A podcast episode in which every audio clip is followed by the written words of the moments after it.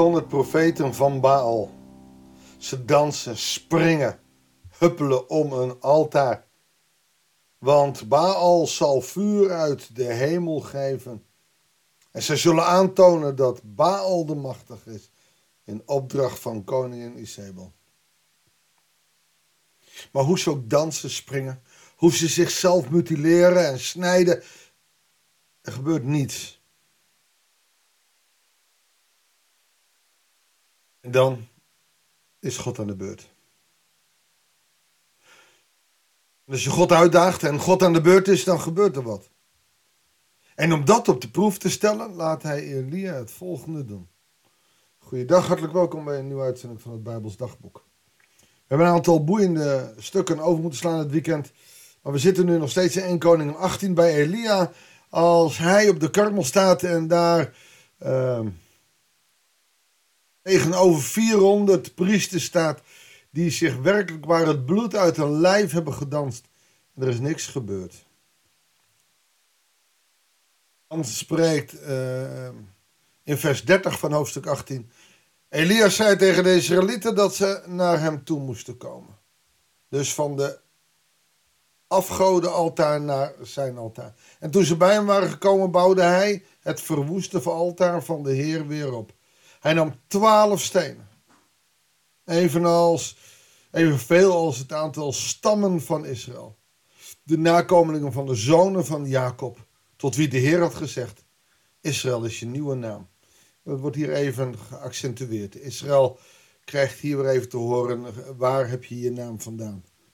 Waar kom je vandaan? Wie ben je? Wat ga je doen?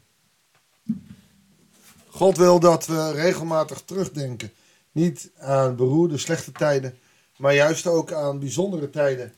Wanneer heb jij je naam gekregen? Voor ons geldt dat bij de geboorte. Onze ouders hebben dat voor ons uh, besloten. Jacob had dat ook bij zijn geboorte gehad. Hielenlichter, want hij was heel van, van zijn broer vast.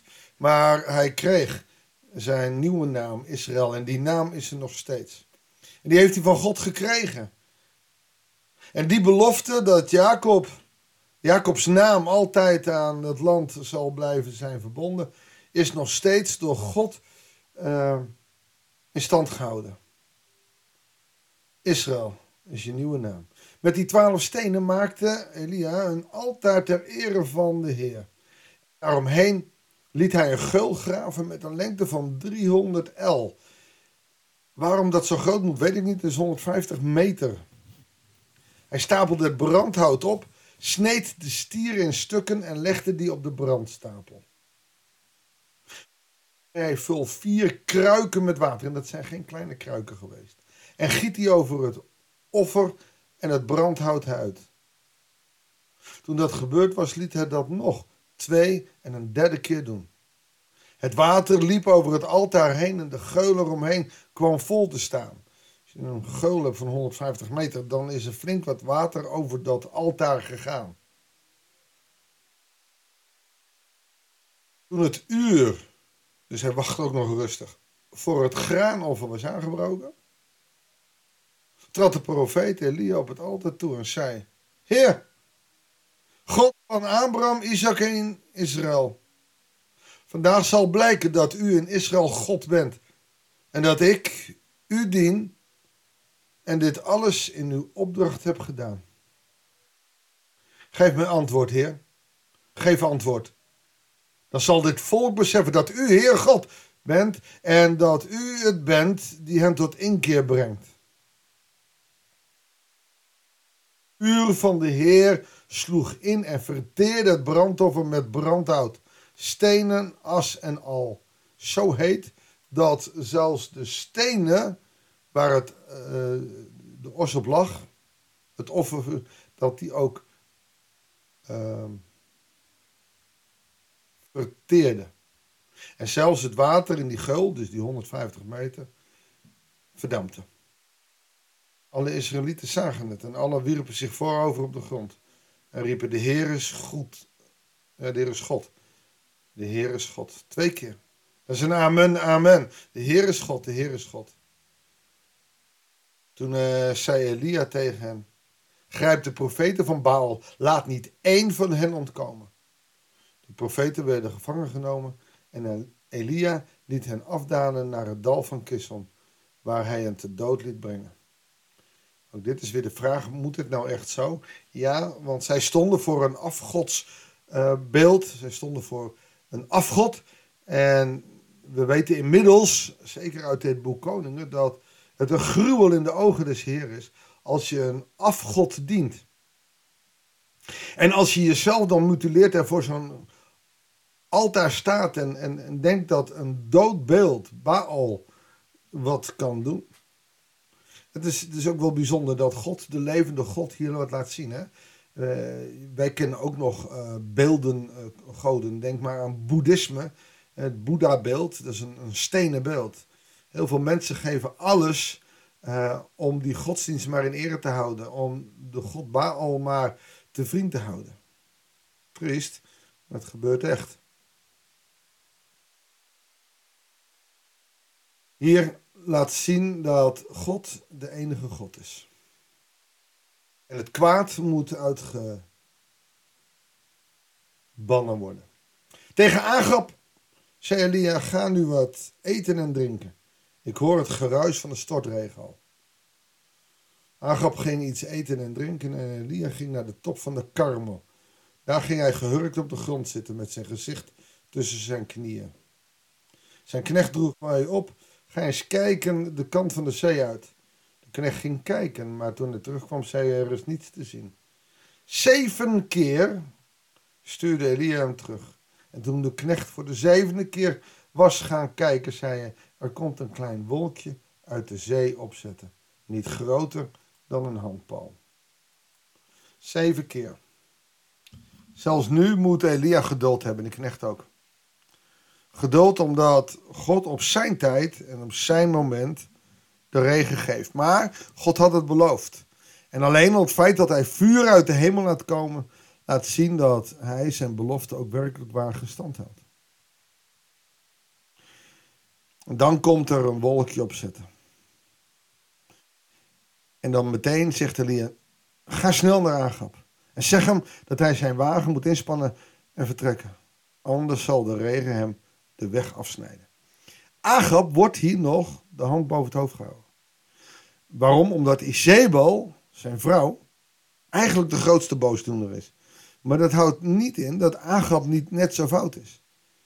Alleen ik denk dat God hier Agab ook wil laten zien wat er gebeurt. Dat hij de machtige is.